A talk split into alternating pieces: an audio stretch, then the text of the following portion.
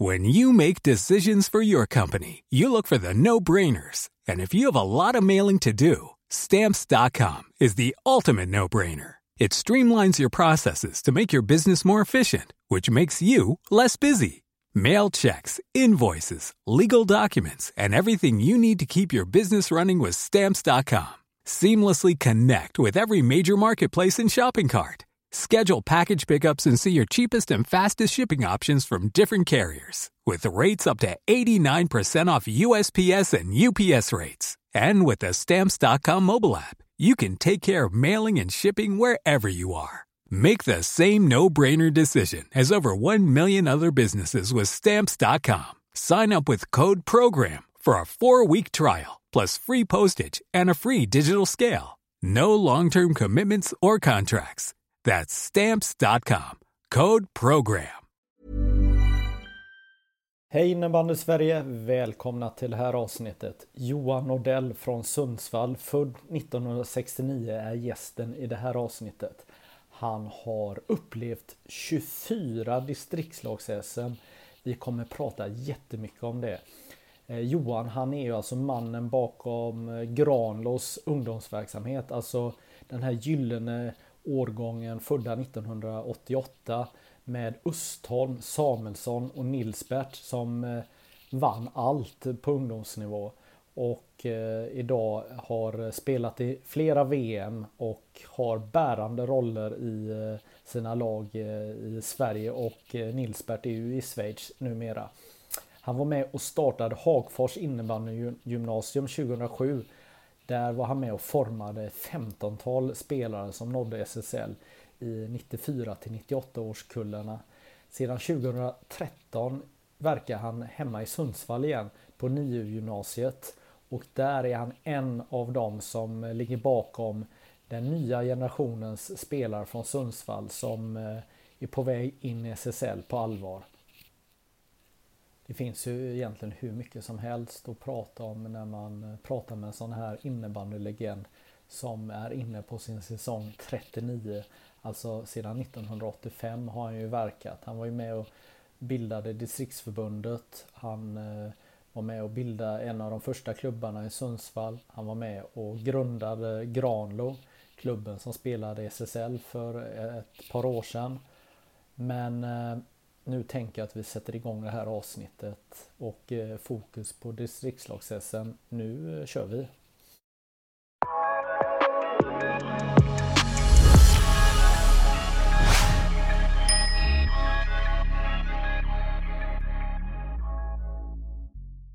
Äntligen Johan Nordell. Vad kul att eh, prata med dig. Roligt att få vara med och prata med dig också Magnus. Ja, du är ju en av de här extremt gedigna innebandyledarna. Du har ju hållit på med innebandy sedan 1863, nej men 1985 eh, är det 1985 med de röda och gula plastkubborna som gick att vika liksom, hur man ville. Eh, sen dess har jag varit med och det är ju snart 40 år sedan inser jag. Så det, det är väldigt länge. Ja, visst eh, var de här plastklubborna jäkligt roliga och eh, pilla med. Ja, men det, det, tyckte man ju då. Jag vet inte hur man skulle uppfatta dem idag. Eh, om man var 15 år. Det tror jag inte man skulle uppskatta dem på samma sätt kanske. Nej. 85, då var du en 16 år. Du eh, ja. till, nästan körde moppe då eller kanske hade slutat?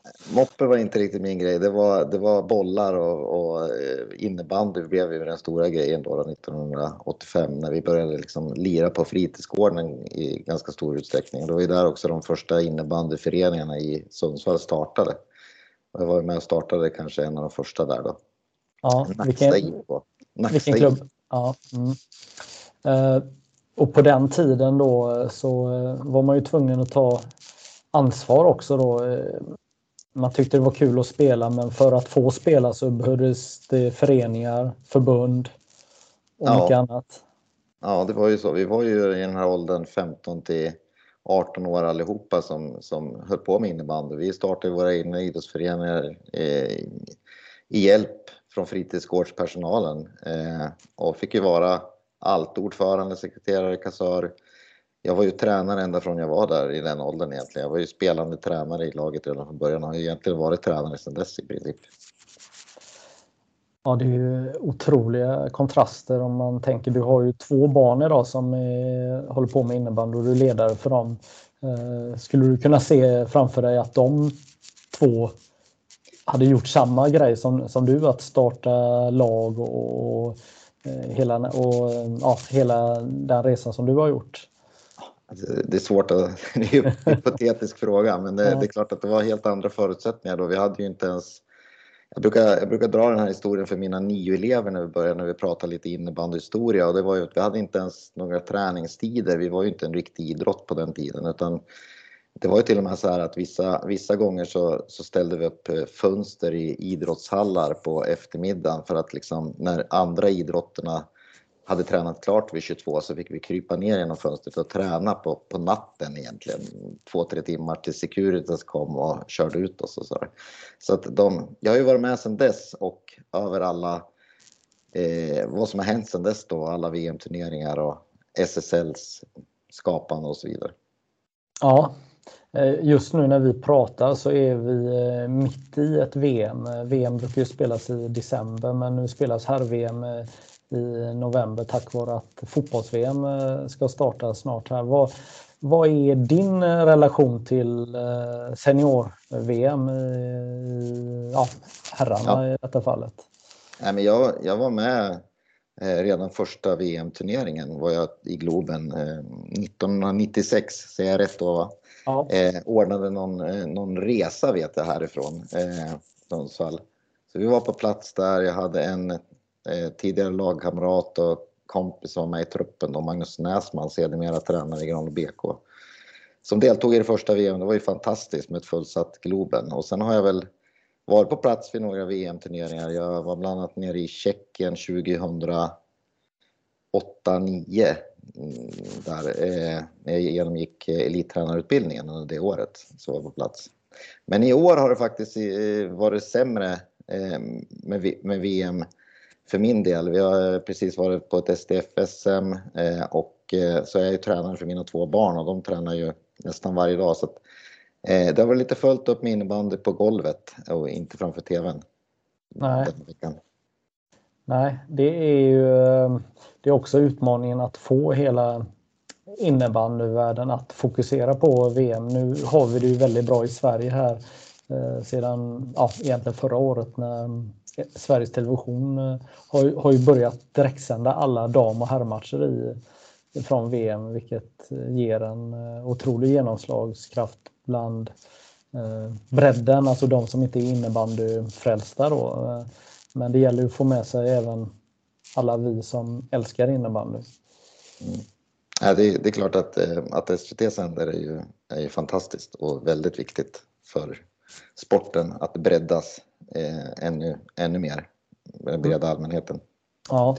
Uh, för mig är ju du, eller det när jag tänker på dig i första läget så tänker jag att, att du var ledare för två av spelarna som är med i VM-truppen nu då, Johan Samuelsson och eh, Robin Nilsbert, men även då Martin Höstholm som leder poängligan i SSL, men han eh, inte med i VM här. Men eh, Granlos pojkar 88, 89 där var en eh, magisk eh, ett magiskt gäng. Det var en gyllene generation i Sundsvall får man väl säga. Det var väl, det var väl mitt, mitt första egentligen stora projekt som jag drog igång 1996. Eh, Eh, jag ville se liksom, på den tiden så fanns det inte, ungdomsverksamheten var inte så utbyggd, framförallt inte i Sundsvall här så hade vi inte ungdomslag på det sättet. Men jag, jag var liksom intresserad av att se hur, hur duktig kan man bli om man liksom får börja tidigt och få rätt träning och liksom rätt förutsättningar för eh, som, precis som i fotboll och hockey, att börja när man är 6-7 år och, och, och, träna på ett bra sätt. Så att, eh, jag startade ju upp en massa lag i grund och BK. Jag hade väl fem lag ett tag. Eh, parallellt där som jag var tränare för. Det var från de som var födda 87 till 91 till och med.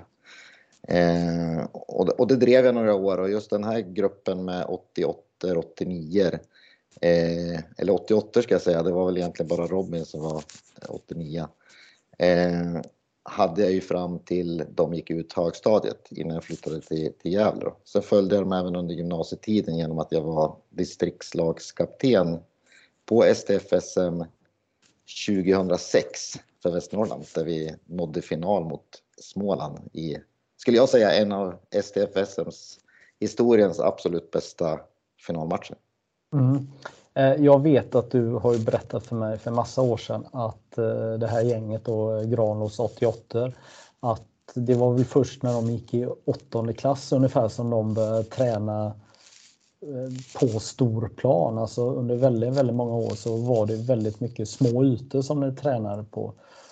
Och vad jag också skulle vilja fråga dig, skulle du kunna förklara lite kortfattat vad är bra träning och vad är bra verksamhet? Eh, är det att göra VM i eh, övningar på träningar och är det VM i eh, köbildning som gäller eller vad, vad var melodin när du drev? Alltså jag, jag, jag hade väl de här idéerna. Jag är, jag är utbildad grundskollärare också under de där åren eh, när jag hade Granlo och bygger väldigt mycket på den pedagogik man fick lära sig där. Eh, Eh, det är klart att jag alltid trott på att, att, att spela mycket, att spela liksom på små planer, två mot två, tre mot tre. Att få många aktioner i, i, på, på träningen, att få passa många gånger, få skjuta många gånger, få göra det liksom i, i matchsituationer. Det har liksom varit min modell sedan 1996 egentligen. Att, Eh, Eh, jag skulle säga att vi med det där gänget 88 så vi, vi spelade ju en väldigt liten hall. Det var väl en hall som var 20 gånger 10 meter och vi höll fast vid den för att det var nära till, för alla att komma till träningen. Man kunde gå hem från träningen själv.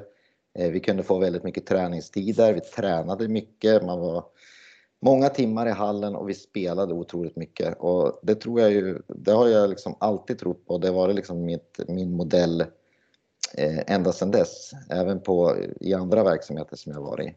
Och, och, tycker också att jag fått väldigt bra resultat. Jag tycker att det säger sig själv att om du, om du har övningar där du står i led 8-9 stycken och så ska du slå ett pass och, och, skjuta på ett förutbestämt sätt där du inte själv ens får välja liksom ta beslut eller träna upp din spelförståelse så blir det ingen effektiv träning. Utan däremot om du kan bryta ner det, du kan spela på små planer, du kan ge dem instruktioner och vi kan jobba till exempel att nu gör vi bara mål genom direktskott. Så tränar man ju direktskott mycket, mycket bättre än att man gör det i ett led och, och springer och för upp procent. Så, så det skulle jag ju skicka med till alla, alla ungdomstränare. Att jag tror det finns en övertro på att man ska konstruera och organisera svåra övningar med, med passningar och löpningar och skott och så Och så tror man att det är bra. Jag tror att det, man gör det bara för att så har det sett ut för en själv när man var yngre och tränade. Eh, och då lever det kvar. Liksom. Ja, det kan ju också finnas en press, eh, tänker jag, så här att man ska kunna leverera en, en fräck övning som är komplicerad och tar tid att lära sig. Mm. Eller? Ja. Jo, så, jo, så kan det säkert vara. Jag tror bara att många liksom inte har, har kanske kunskapen om att det inte är så effektivt. Liksom, utan man tror att det är bra fast, fast en, ett, en kille på nio år då kanske får passa och skjuta fyra gånger på en kvart. Liksom. Det, man tror ändå att det är liksom svårigheten i övningen och hur komplicerad den är som gör att, det, eh, att man utvecklas. Men Nej. så tycker inte jag att det är. Nej. Eh, sen eh, var du med och startade Hagfors innebandygymnasium 2007 och eh, ja, genom åren där så var du med och eh, ansvarade för en massa ungdomar som som till slut blev SSL-spelare. Ja, det var väl en 15-tal spelare från den eh, kullen födda mellan 92 till 98 ungefär va? Ja, de flesta var väl kanske från 94 till 98. Vi hade ju en ja. tjej 92, Linnea Nilsson i Rönnby också. Men vi hade ja. ju en fantastisk eh, generation där också och eh, Eh, många delar var ju lika i tänket från Granlöf. Vi, vi, vi, spelade väldigt mycket, vi byggde det på att det skulle vara många aktioner på träningen och, och så vidare.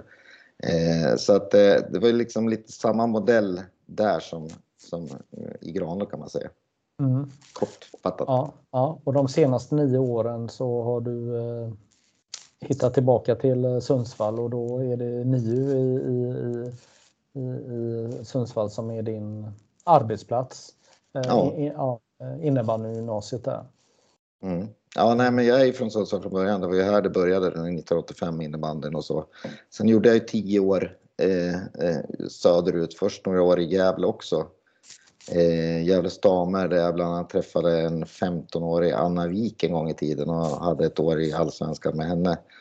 Eh, och sen vidare till Hagfors. Vi var tio år ungefär då, söderut och sen tillbaka hem. Eh, när vi fick barn så ville vi komma närmare våran, våra barnvakter om man säger så. Mm. Vad, hur skulle du beskriva att, eh, att skillnaden är på eh, vad ungdomarna, eh, hur de beter sig på eh, plan eh, idag jämfört med eh, förr. Jag eh, har precis blivit innebandydomare igen och jag har dömt lite matcher eh, nu, ungdomsmatcher. Och jag har slått mig i vissa lag att det är väldigt mycket kladdande med bollen. Alltså det är lite TikTok-grejer som ska göras till med även när man tar emot en boll under matcher och sånt där. Eh, men vad, vad tycker du? Har det blivit någon utveckling, förändring? Vad, har du några idéer vad, vad som har hänt? Oj, det var en, en svår, en, en svår och lång fråga kanske. Ja. Nej, men, men jag kanske, det man kanske reagerar på lite grann är ju, är ju kanske det att de tekniska delarna har, har i många gånger blivit bättre. Att på dribbla, skjuta, Zorro straffar och så vidare. Men att kanske spelförståelsen skulle jag nog säga kanske är lite sämre idag eh, än tidigare. Jag tror att eh, eh jag tror att det är för att dels spelar vi ju väldigt mycket mindre eh, ute eh, på kvällar och, och på, på, raster och så vidare. Utan det ser man ju när mina barn också står och liksom ute och gör någonting. Då, även om de är 6-7 stycken så står de och liksom trixar och skjuter och sådär. Medan man kanske för 15 år sedan spelade två mål. Mm. Eh, och det, det kan jag nog tycka att i, även i spelet att vi har kanske det är svårt att mäta spelförståelse. Så. Men det, det skulle jag kunna säga att man tekniska eh, kvaliteterna är bättre men kanske att spelförståelsen är, är något sämre. Ja. Eh, jag tänker att vi ska prata SDF-SM, alltså eh, distriktslags-SM för eh, våra ungdomar. Du, har ju, du är ju en superexpert och nu ska du lära alla här i innebandy-Sverige som inte har varit med så många gånger. En del kanske har varit med något enstaka år då för att man har någon, något barn som är med och sen så försvinner man eh, bort från, från verksamheten. Men du har ju 24 STF SM i ditt CV som ledare, som U19-scout och som publik. Berätta. Ja, nu, går vi igenom all, nu går vi igenom alla år här. Nej, men var, var, var ska vi börja någonstans? Ja, eh, jag vet inte om jag är någon superexpert. Framförallt så har jag ju kommit upp i de här åren där man liksom inte riktigt kommer ihåg eh, hur det såg ut för 22 år sedan och alla namn som har passerat och sådär. Eh, men det jag tycker, eh, eh, det jag tycker med STFSM det är ju att det, det är ett av våra eh, innebandyns eh, största flaggskepp. på många sätt. Det är ju där Eh, våra eh, liksom, eh, yngsta eller våra ungdomar inspireras, det är där det liksom väcks drömmar, det är där det föds stjärnor, det är där man bestämmer sig någonstans. Det är den första stora innebandyupplevelsen man har när man får spela mot jämnåriga spelare som är både duktiga och ambitiösa och från hela landet på samma ort på samma helg. Det är ju en helt fantastisk innebandyupplevelse för alla som gillar innebandy. Spelare och ledare och eh, publik. Eh, och man tittar bara på som i Umeå helgen som var så var det ju ett helt fantastiskt eh, arrangemang. Jag får tacka Umeå kommun och alla idrottsföreningar där uppe för vilket, vilket arrangemang man hade och det var ju massor av folk på, på läktarna som det var liksom här kände man att det, det, så här innebandy ska vara. Eh, och jag tror att det är oerhört viktigt att vi har den här turneringen eh, av många anledningar. Det är ju dels för att, att få våra eh, ungdomar att få, få uppleva det här och, att, och också för att, för att inspireras och motiveras och, och stimuleras till att satsa vidare och vilja träna. Eh, men också för att eh, för att eh, vi behöver, innebandy behöver alla de här evenemangen som, som skapar attraktion för våran sport. Eh, kan, mycket folk som är där och tittar som kanske känner att ja men nu, det här var ju jättekul, det här var ju spännande och dramatik och vilken upplevelse det här var och så kan jag komma till så kanske man går på nästa match när Dalen har hemma, hemmamatch nästa gång till exempel. Vi behöver ju, vi behöver ju växa på det sättet. Innebandy behöver alla de här eh, evenemangen och arrangemangen som, som skapar eh, attraktion. Hej, jag Ryan Reynolds. Recently, I asked Mint Mobiles legal team if big wireless companies are allowed to raise prices due to inflation. They said yes. And then when I asked if raising prices technically violates those onerous two-year contracts, they said, what the f*** are you talking about, you insane Hollywood ass?" So to recap, we're cutting the price of Mint Unlimited from $30 a month to just $15 a month. Give it a try at mintmobile.com slash switch. $45 up front for three months plus taxes and fees. Promo for new customers for limited time. Unlimited more than 40 gigabytes per month. Slows. Full terms at mintmobile.com. Many of us have those stubborn pounds that seem impossible to lose, no matter how good we eat or how hard we work out. My solution is plush care. PlushCare is a leading telehealth provider with doctors who are there for you day and night to partner with you in your weight loss journey. They can prescribe FDA-approved weight loss medications like Wagovi and Zepbound for those who qualify. Plus, they accept most insurance plans. To get started, visit plushcare.com slash weight loss. That's plushcare.com slash weight loss. Tycker jag. Mm. Eh, då är ju åldern, eh, det här STFSM var ju för 05 då. Eh, det betyder att de nu då går andra året på gymnasiet. Eh, ja, om man är så gammal som man får vara då. Ehm, och det är väl precis som du är inne på här att publiken är enormt engagerad. Det är ju många föräldrar och, och släktingar som, och anhöriga som är och följer. Så då är det ju det är ingen slätstruken publik och spelarna är ju också väldigt fokuserade. Eh, så, så, det är väl en otrolig bubbla egentligen som du eh, berättar om att det är. Ja, jo, jag tror jag skulle du skulle man fråga de flesta SSL-spelare idag på här och damsidan vad man om de skulle räkna upp sina liksom bästa minnen så, så tror jag STFS skulle komma upp i, i väldigt många fall. Att det, är, det är där någonstans man, man för första gången får uppleva den här bubblan och eh, ja, innebanden och blir, får den här inspirationen att, att drivas vidare. Eh, nu gick det ju som du sa för, för 17-åringar kan man säga, men de som går i tvåan i år och det är ju, det är ju liksom rätt tid att ha det Eh, nu, de har ju valt att lagt den för 16 år när man går i ettan och det är ju en, kanske det dummaste eh, året att ha det på för där är det liksom ett det är många som liksom, man börjar på gymnasiet, man eh, byter förening, man hamnar i nya lag, nya tränare. Bara att börja på gymnasiet är ett ganska stort steg. Det är många som flyttar till andra orter för att gå elitidrottsutbildningar. Man börjar på RIG, man börjar på NIO på ett annat ställe och så vidare. Det är ungdoms-SM det året. Eh, många börjar spela JAS-matcher så att i ettan är det ju, eh, är ju helt fel att ha, år att ha ett STF-SM och jag tror att eh, det spel vi fick se i år STF-SM eh, var ju fantastiskt. Det är, det bästa SM på många år tycker jag eh, som jag sett. Och det har nog också att göra med att att de här eleverna har liksom lämnat år ett på gymnasiet bakom sig utan de, är, de här går i årskurs två, de har de har funnit sig i sina nya miljöer och, och städer och lag och inget USM och sådär heller att fokusera på. Det, det låg rätt i tiden nu, tycker jag. Mm. Men du har ju lite tankar och idéer med din erfarenhet av eh, alla de här eh, turneringarna och du, när du kommer hem eh, från en, en sån här turnering så har du en massa tankar och, och, känslor. Kan du berätta lite vad, hur, hur tycker du att eh, det ska vara i framtiden? Nej, men jag tycker att man ska återgå till hur man hade det tidigare. Det är ju självklart, tänk en sån här upplevelse, upplevelse för så många som betyder så mycket för spelare och ledare och publik och som kan skapa så mycket för, för innebandy. Varför ska vi bara ha det en gång för? Varför ska det vara once in a lifetime för spelarna? Det finns så många argument till varför att man ska kunna ha det som det var tidigare, två, två tillfällen. Jag kan börja med till exempel att tidigare så låg det när, det var, när man var 15 och när man var 17, alltså ni, årskurs 9 och, och årskurs 2 på gymnasiet.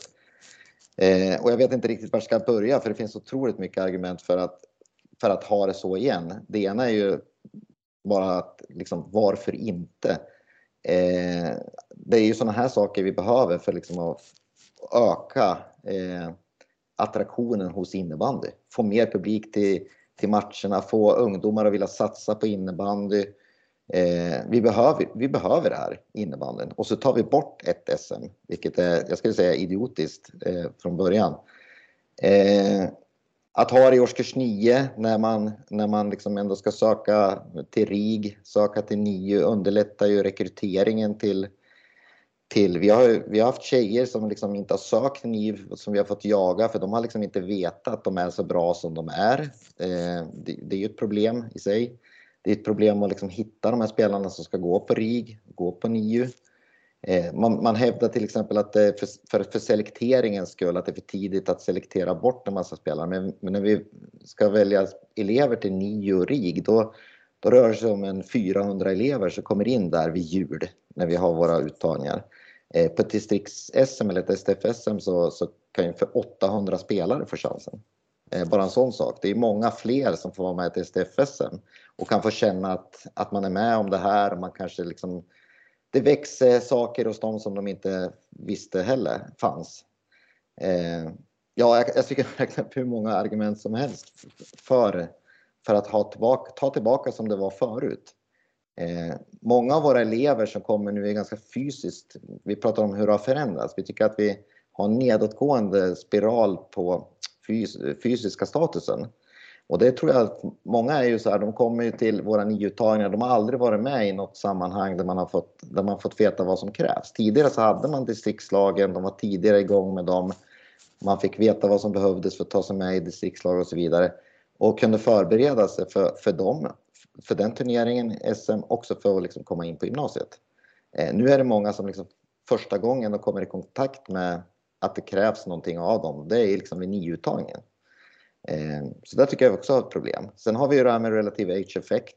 Eh, det, det, vill säga att eh, ja, men tidigt utvecklade spelare har ju en fördel. Men varför ska man, bara, varför ska man liksom undanhålla de senare utvecklade spelarna en chans att få vara med i SM genom att bara ha det en gång?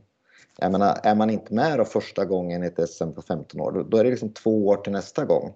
Eh, och vi vet också att eh, att det är ungefär fem, ganska stor omsättning. Det är 50 omsättning av spelare till nästa SM. Så såg det ut tidigare när det var 15 och 17. Det betyder att det byts ut hälften av spelarna. För det kommer de som är senare utvecklade som får chansen igen. Men jag tror nu får ju de aldrig chansen. Därför att vi har bara ett SM. Och bara en sån sak är ju liksom... Tänk om de här som var med nu i Umeå helgen fick åka hem och känna liksom att nästa gång då, då ska vi, nu vet jag vad som krävs, nu vet jag vad behövs, vad ska jag träna på, nu vill jag komma tillbaka, vi vill ha revansch eller vi ska försvara vårt guld eller det där. Eh, och de som inte kommer med har chansen igen om två år. Alltså det skulle locka så många fler att fortsätta med innebandy längre om vi, om vi hade de här två SM. -erna. Så jag tänker orsaken till att man tog bort ett SM, för Lari som 16, det får liksom helt motsatt effekt tycker jag. Mm. Nu gick jag igång. Ja, nej, men det är bra. Men det, men det argument har väl varit eh, kostnader bland annat och sen eh, den här förändringen att man inte vill ha eh, tävlingshetsen för tidigt. Mm. Eh, tävlingshetsen, liksom, kanske om selekteringen då. Liksom. Det är ja. precis som jag sa att, att vi har ju en, ändå en selektering till NIU det året. Det är ju mm. ändå så att vi väljer ut 400 elever som ska gå på RIG och NIU och övriga får inte. Det vill säga att skulle vi spela ett STF-SM i nian då är det ändå dubbelt så många som får chansen att vara med i det och känna sig utvalda och känna att jag är med i det här. Skulle det dessutom finnas ett SM två år senare, ja men då om jag inte kommer in på NIU, nu har vi ju det här, nu har vi det här läget att många som inte kommer in på NIU tappar lite suget, kanske inte tycker att de lokala innebandygymnasierna är lika lockande och så vidare. Men skulle det finnas, liksom, har man fått vara med om den här upplevelsen, Eh, man kommer inte in på NIU, men det finns ett SDFSM om två år igen. Det skulle locka fler att träna. Eh, sen, sen är jag en person som jag, jag, tycker ju, jag tycker om att tävla. Jag tycker inte själva tävlandet är problemet. Eh, problemet med tävlandet är väl kanske att många tränare toppar sina lag allt för tidigt och, och liksom eh, på det sättet. Men att tävla i sig är ju, är, ju, är ju bra tycker jag. Jag tycker det är bra att lära sig vinna och hantera det, lära sig att förlora och, och hantera nederlag. Alltså, det, det, tror jag man behöver lära sig mycket tidigare än vad vi gör idag för att vi har så många elever på gymnasiet som inte kan ta en förlust eller någon motgång överhuvudtaget. Det är för att man aldrig fått vara med om det. Man har aldrig fått lära sig det någon gång. Nej. Men det negativa med distriktslags-SM är ju, jag menar även om du pratar om de här många hundra som får chansen att vara med så är ju den stora mängden får ju inte vara med. Framförallt om du då tillhör ett av de större distrikten. Jag menar, är du, Eh, spelar du innebandy i Skåne, Småland, Göteborg, Stockholm och Uppland och, och, och några så, så, är det ju egentligen bara en promille som får vara med. Den, den stora massan får ju inte vara med och kanske eh, känner att man inte duger och räcker till. Eh, eller hur, hur tänker du kring det? Jag tänker väl så här att om man, om man har en bra distriktslagsverksamhet som startar tidigare där man kan få liksom en spelarutvecklings mm, en utbildning för sin egen spelarutveckling så är det ju, är ju själva SM bara en del av hela den planen utan man, man är med på hela resan vägen fram. Så det är ju många fler än de som, det är inte bara de som spelar den turneringen som är på plats som liksom får vara en del av det. Eh, det är väl den ena delen jag tänker. Eh, den andra delen är väl också att vi pratar om att vi ska ta hand om alla i, i idrotten och det tycker jag verkligen. Jag värnar verkligen om att ta hand om alla oavsett liksom färdigheter och intresse och ambitioner och så. Men jag tycker verkligen också att vi ska ta hand om alla. Vi ska ta hand om de som också är långt fram, tidigt eh, utvecklade, har särskilda talanger, eh, att man är väldigt ambitiös och intresserad. De måste också vi tar hand om. Och det tycker jag vi är väldigt dåliga på, i, inte bara innebandyn utan kanske i svensk idrott överhuvudtaget. För att eh, i, i den här liksom, eh, viljan att ta hand om alla så glöms de bort. De ska liksom de får inte utmanas på sin nivå. Jag tycker att alla, alla ska utmanas på sin nivå, alla ska få chansen, alla ska få samma förutsättningar, men vi måste också ta hand om alla. Och det är klart att den, den STFSM som det ser ut idag så då är det ju givetvis en, en klick och en topp som, som, som finns där. Men de måste också få sitt tycker jag. Jag tycker vi tappar bort dem annars. Sen när det gäller de stora distrikten så är det väl, jag menar, det, det, skulle inte vara någonting som hindrar att Stockholm har Stockholm norr och Stockholm söder till exempel, har två lag. Så att det finns, blir fler som får den chansen då i de stora distrikten. Men, men, men grunden är att eh, en längre spelarutbildningsplan där många får vara med på vägen. Två SDF-SM så chansen finns, lever kvar för de som inte har, har hamnat tidigast i utvecklingen.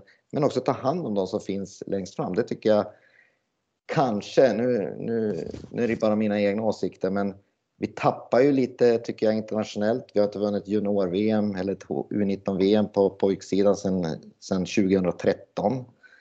Eh, vi, vi tappar liksom på toppen eh, och det, det, tror jag är för vi, vi tävlar för lite och vi låter de som är längst fram få för lite fokus också.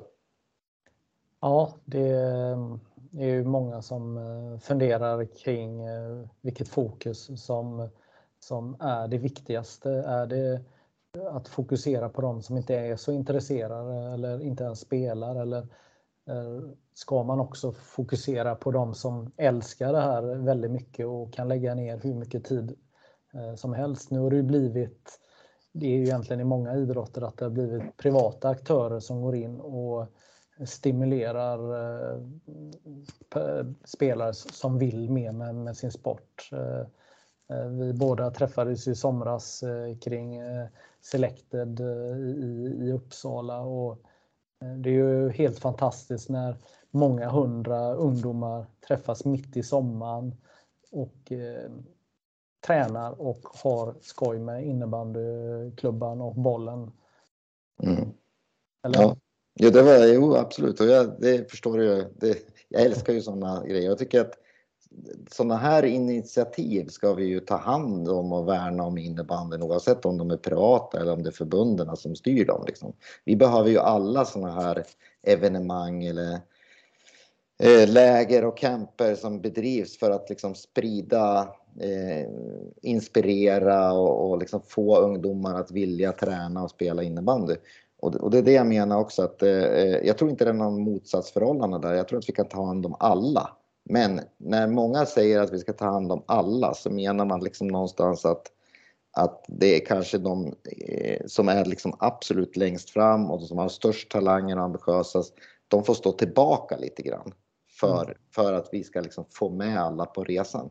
Jag har väl eh, aldrig jobbat så med mina lag utan jag har försökt få liksom lyfta alla eh, på sin nivå, att utmana dem på sin nivå istället och prata om det. Eh, ja, nej, men, eh, nej, men när jag lyssnar på det så tänker jag kring det här med SDFSM. Alltså det är ju en, det är ett vinnande koncept. Alltså det är ju succé varje gång det arrangeras, var det än arrangeras någonstans. Och, och eh, att göra fler sådana evenemang borde ju gynna alla som håller på med innebandyn. För att det, det, det är ju det vi, vi strävar efter. Vi, vi, vill ju, vi hade gärna velat haft en SM-final på hösten också i Globen och eh, en på sommaren och vi hade velat, alltså vi vill ju ha mer av de här eh, inte självspelande pianon, men de givna succéerna för ett, ett distriktslags-SM. Det är ju en otroligt engagemang. Alltså, eh, blir du, eh, blir, blir eh, blir ditt barn uttagen till eh, STFSM så åker ju föräldrarna och de bor på hotell, spenderar pengar och är stolta och är glada och, och vill stötta sitt barns eh, innebandyspel och eh, kanske får eh, barnen, precis som du är inne på, satsa ännu mer och samtidigt få den här inspirationen att man vill eh, vara på den här nivån eh, framöver. Mm. Ja, och, det, och man, man, får liksom inte glömma bort heller att, eh, att satsa på eliten. För att det är ju liksom elit, elitverksamheten som SSL som, och, och VM-turneringar som den vi har nu. Det är det som lockar de yngsta barnen att liksom börja med innebandy. Vi ser vilken, liksom, vi har fått en otrolig skjuts i Sundsvall här nu med de senaste fem sex åren med några riktigt bra kullar. Vi har haft eh, flera U19 landslagsspelare igen eh, som vi inte haft på 15 års tid sedan Martin Östholm och Johan Samuelsson var med. Eh, och A-laget har stärkts. Så man ser hur många ungdomar som liksom lockas. Jag tror när vi hade kvalmatcher i, i våras här mot RIG för att gå upp i Allsvenskan så var det, vi hade någon klack på 150 barn mellan 8 och 13 år. Liksom. Det, det, man lockas ju av det och liksom utan den verksamheten så skulle liksom inte ungdomsverksamheten och breddverksamheten finnas heller. Så vi måste ju stimulera spelare som är långt fram också och, eh, till, att, till att få en elit också. Vi får liksom inte glömma bort den. Det tycker jag också att vi gör ofta i, i svensk innebandy. Det är väldigt mycket fokus på bredd. Eh, och det kanske är därför också att vi inte har bättre publiksiffror än vad vi har idag för att elitverksamheten är lite bortglömd. Eh, nej, men när jag lyssnar på dig så får du mig också att tänka och reflektera över också då att när vi bara har ett eh, SM så är det en chans och då det blir ju det blir ju dramatiskt på, på många sätt att, att missar man och inte blir uttagen eller man blir skadad eller man inte lyckas sportsligt så, så blir det så dramatiskt. Men finns det två tillfällen så, så, så, finns det ju alltid något nytt att sträva mot. Och, och, och eh, eh, ja, det, det, kanske också skulle vara positivt eh, ur den synvinkeln med två eh, mästerskap. Och precis som du var inne på också så, så eh, växer man ju olika och utvecklas olika eh, tidsperioder. Och jag tycker det är väldigt intressant det du säger också att att det är en sån stor eh, eh, förändring på trupperna eh, mellan så som det var tidigare. Det är ju jätteintressant för det betyder ju att väldigt många fler får den här tävlingsutbildningen då och vad det innebär. Ja, när vi, tar, när, vi liksom, när vi tog bort ett STF-SM och bara spelade för 16 år, det är precis som du säger, då blir det ju liksom eh, once in a lifetime, dramatiskt. Eh, är du inte tidigt utvecklad då så, så finns det ingen fler chans. Liksom så. Eh, eh, och, och då, liksom, då tar vi bort de här möjligheterna för vi säger att det, jag tror siffrorna var runt 50% i omsättning på trupperna och då det är, det är som att ta bort den här möjligheten för 50% av alla spelare. Liksom så. Mm. Eh, så, så, bara där är det, finns det ju ett skäl till att återgå till två stycken tycker jag. För att om det är så att vi vill fler ska uppleva det här, att vi inte vill selektera för tidigt, för hårt, för att de skulle sluta, om det nu skulle vara så fallet. Nu vet jag inte om det finns en enda studie som visar att man slutar för att man inte kommer med i distrikts-SM. Eh, eller att man inte kommer in på nio heller för den delen. Eh, jag tror inte att det är så och jag tror inte det finns någon studie som visar det heller. Eh, men, men då, då finns ju chansen kvar och då får ju fler uppleva det här. Alltså då betyder det att vi, vi, tar hand, vi, vi ger fler chansen. Det, det blir fler som fortsätter längre och det är det vi vill allihopa. Så att jag, det är det jag menar att det här är liksom, det fick en ren motsatt effekt av att ta bort ett SM och förlägga det på det sämsta året också i årskurs 1 på gymnasiet. Mm.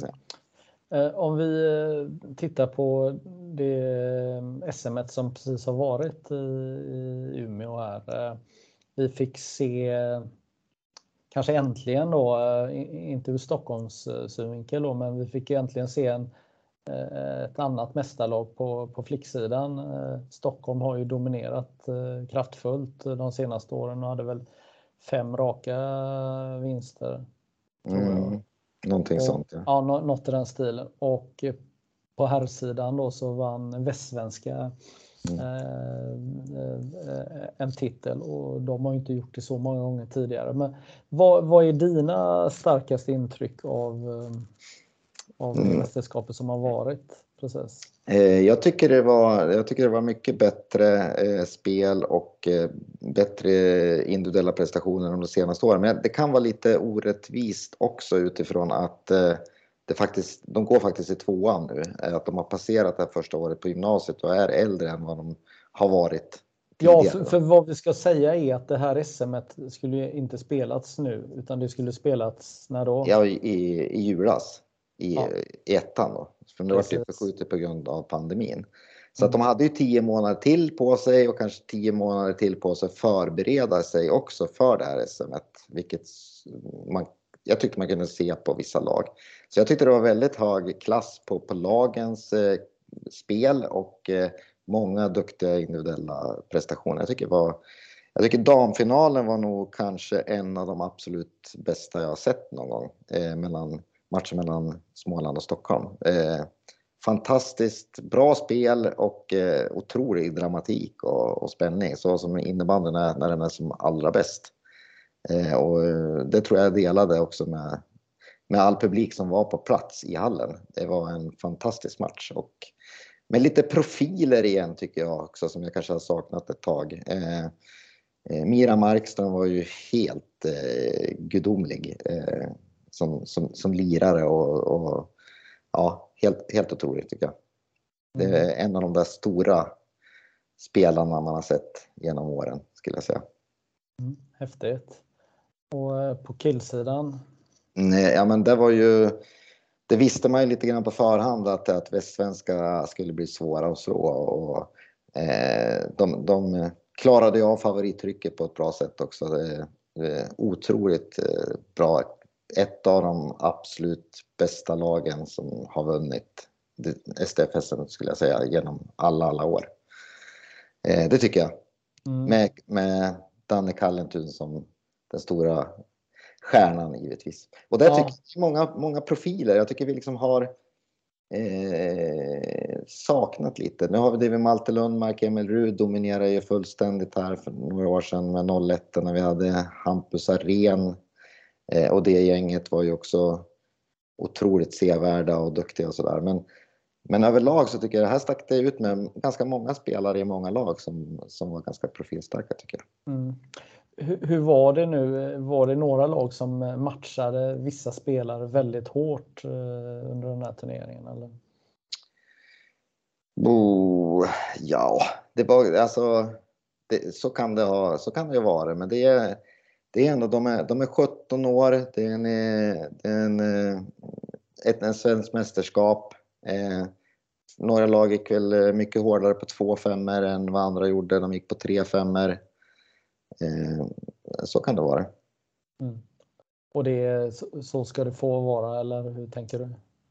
Eh, ja, ja alltså jag, jag, är av den åsikten att jag, jag, tycker att man kan göra det när man är 17 år. Jag tror liksom, det är samma här, det, det är en tävling, det, det, vi, vi ska utmana alla på sin nivå. Det, det är ett svenskt mästerskap. Eh, man, man, är där för att vinna, eh, tycker jag, eh, när man tävlar. Eh, sen om man inte gör det eller man inte får lika mycket speltid som någon annan, då Eh, då är det ju liksom att lära sig att hantera sådana saker också, för det kommer ju hända eh, fler gånger i sin karriär. Eh, kan, kan man liksom hantera det på ett bra sätt så kommer man ju klara av att ha en lång innebandykarriär också. Okay. Ja. Och eh, vi ska se här eh, för de som eh, inte är insatta här. Kan du berätta hur, hur är spelformen man spelar? Vad är det för speltid man spelar i distriktslags-SM? Ja, det är tre gånger 15 minuter rullande tid då. Men det är ju mm. väldigt många matcher. Man kommer ju upp i sju matcher där man har nått finalen på, på tre dagar. Eh, och det är ju väldigt eh, hög kvalitet på alla lag. Det är stor bredd på lagen. Eh, ofta har man ju tre femmor som är väldigt starka. Som, som matchtempot blir ju högt och slitsamt. Så det är en tuff turnering att ta sig igenom hela vägen till eh, final. Ja, och slutspelsmatcherna är inte, det är inte sällan som att de slutar oavgjort efter full tid och då vad händer då? Ja, det är förlängning och sen är det, är det straffar och så. Sen är det ju så att man, man har ju alltid sina placeringsmatcher. Det är inte färdigspelat för man åker ut, utan man fortsätter spela och jag tror att alla lag hamnar på sex matcher minst i en sån här turnering. Så att man, man fortsätter att spela om alla placeringar hela mm. vägen. Ja. Så, så, att Ja. Har, har, du någon idé? Kan man utveckla turneringen på något sätt? Jag tänker, det finns ju också några eh, ursäkta språket, svagare distrikt, alltså som inte har samma urval som, som egentligen åker till SM och inte har en chans. Alltså, finns, det, finns det något annat eh, sätt man skulle kunna eh, spela eh, SM. Eh, jag tänker så som man har i, eh, i eh, vad heter det, VM där man har 16 lag men de, de svagare nationerna de, de, mm. de får nästan kvala för att ta sig till, till åttondelsfinal. Mm, jag förstår, jag förstår vad du menar, men jag tror att det ändå det är svårt därför att det kan ju skilja från kull till kull, även om vi vet att några distrikt är mycket mindre och eh, traditionellt oftare svaga. Men, men det kan ju också vara så att ett, ett, ett lag eh, kan... Jag, jag, tror liksom att i, i de fallen, vi är ju ett ganska svagt distrikt i Västernorrland skulle jag säga. Vi är ett ganska litet distrikt och brukar inte alltid ta oss till slutspel och sådär. Utan bortsett från att man är där och tävlar och vill vinna så är det ju också nu, eh, en, man är ju där också för att utvecklas och lära sig någonting och komma hem med saker. Allt från att bli inspirerad och motiverad att träna och så här. Men att se hur de andra lagen, vad de är duktiga på, vad kan vi träna mer på? Eh, att man, man åker dit också med den, den målsättningen eh, och komma tillbaka och även om man inte har vunnit en match så kan man komma tillbaka och ha lärt sig mycket eh, och ändå, och ändå hitta en inspiration och, och för att träna framöver och bli bättre. Tror jag. Mer än att man ska konstruera det så att man Eh,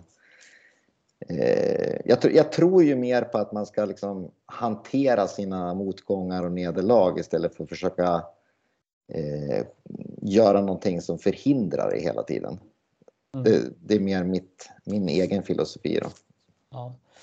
Jag funderar, det här kanske är svårt att, att svara på, men när, när det är klubblag så, så, så jobbar man ju kanske under en längre period med hur man ska spela och eh, Ehm, jag tänker distriktslags-SM ehm, spelar, eh, eh, får du en känsla av att alla lag försöker spela lite på samma sätt? Att man, man spelar anfallsinnebandy och har fokus på det eller, eller, eller ser du att vissa distrikt eh, spelar väldigt defensivt och kanske eh, ehm, vill att motståndaren ska, ska föra matcherna och, och eh, Eh, driva spelet?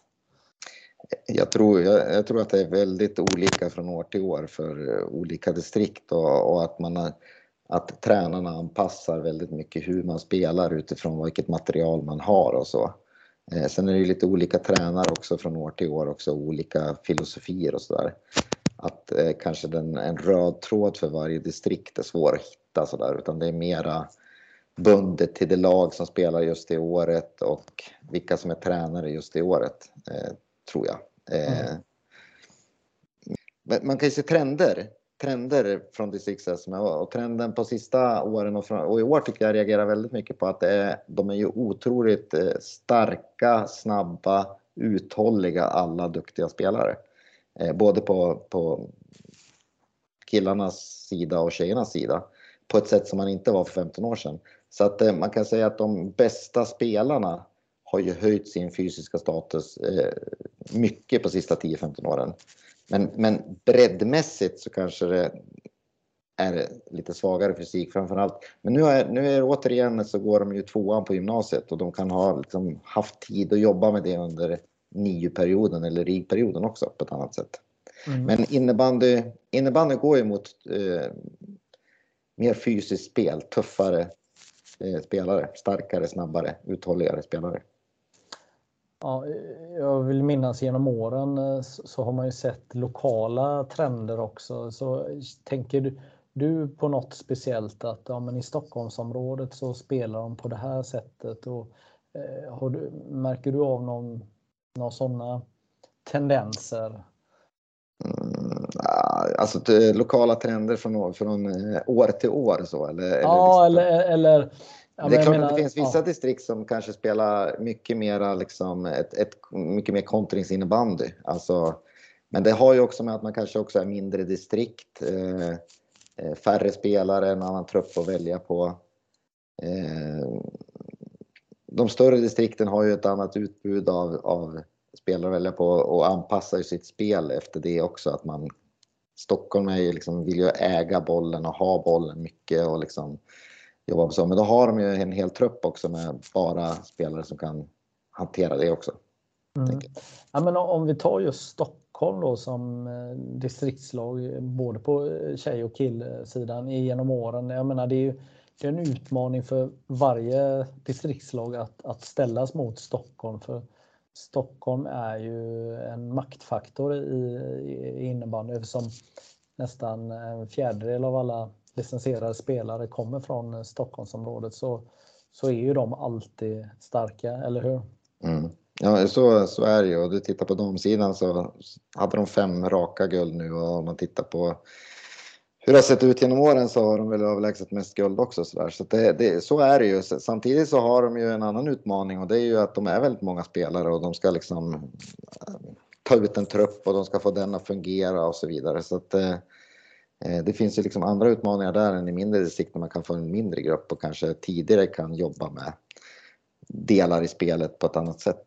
Så, eh, väldigt glad att våra killar kunde besegra Stockholm i år i alla fall med, med 2-1 i gruppspel, eller 4-2 i gruppspelet. Eh, det var en fjäder i hatten till dem. Ja, nej men absolut, så är det. Men jag eh, jag gillar eh, också din tanke och idé att, att kanske Stockholm och ett, två distrikt till kanske skulle ha ett söder och eh, norrlag.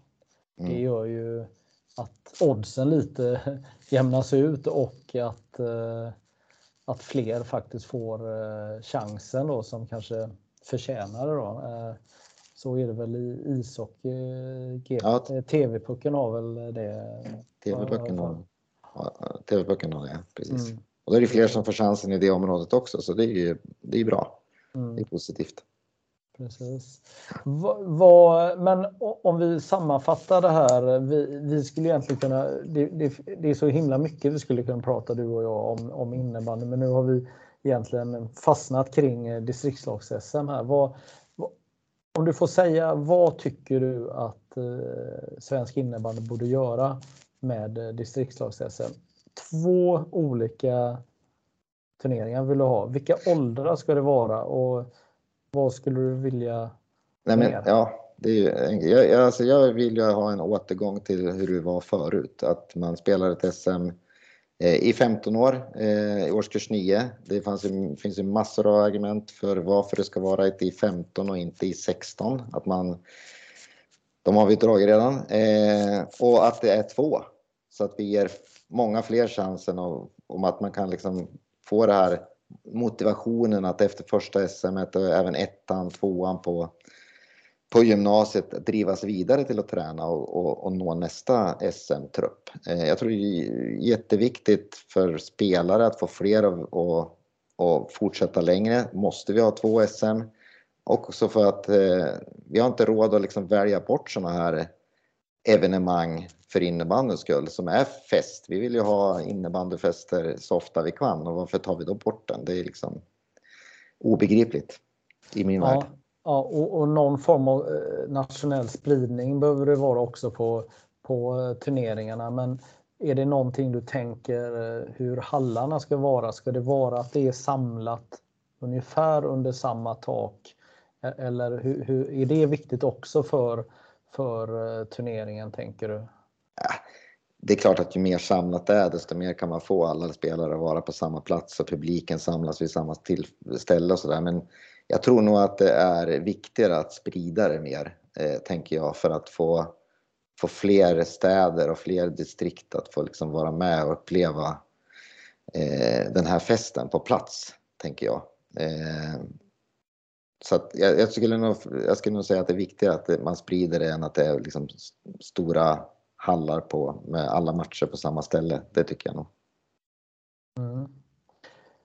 Bra eh, Johan, jag tänker mm. att vi ska avsluta här. Vad, vad, har du att se fram emot den här säsongen eh, med innebandy? Vad, vad är dina stora Ja, det är ju mycket som händer hela tiden. Eh, nu har jag ju eh, hoppat in lite grann för mina elever i årskurs 1 här och, och spelar, killarna där spelar USM-kval på lördag.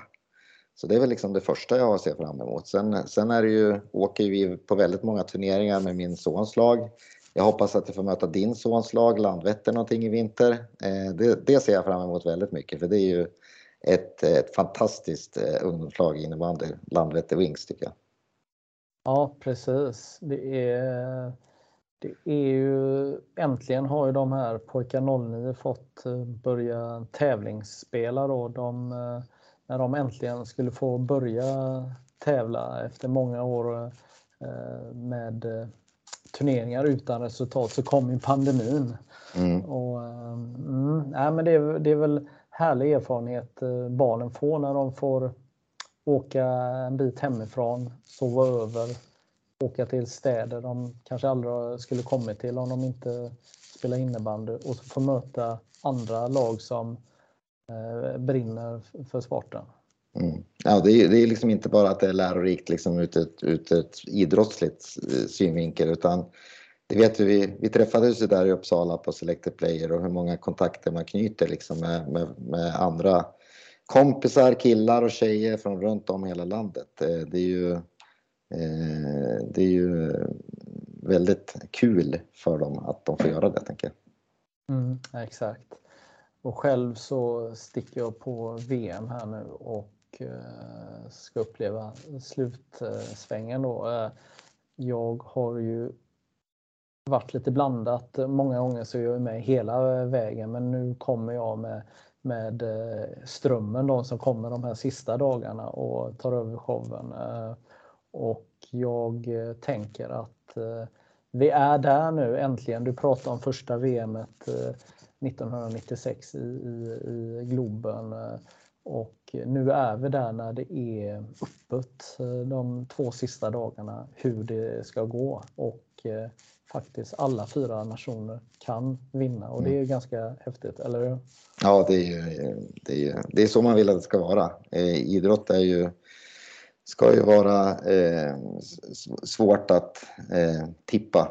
Det är då det är som bäst. Och det tror jag också. Jag tror att det blir två, två jämna semifinaler och en väldigt jämn final också. Oavsett vilka som vinner dem. Så det, det är jätteroligt. Det ser vi fram emot i helgen. Mm, kanon. Tack Johan. Tack Magnus.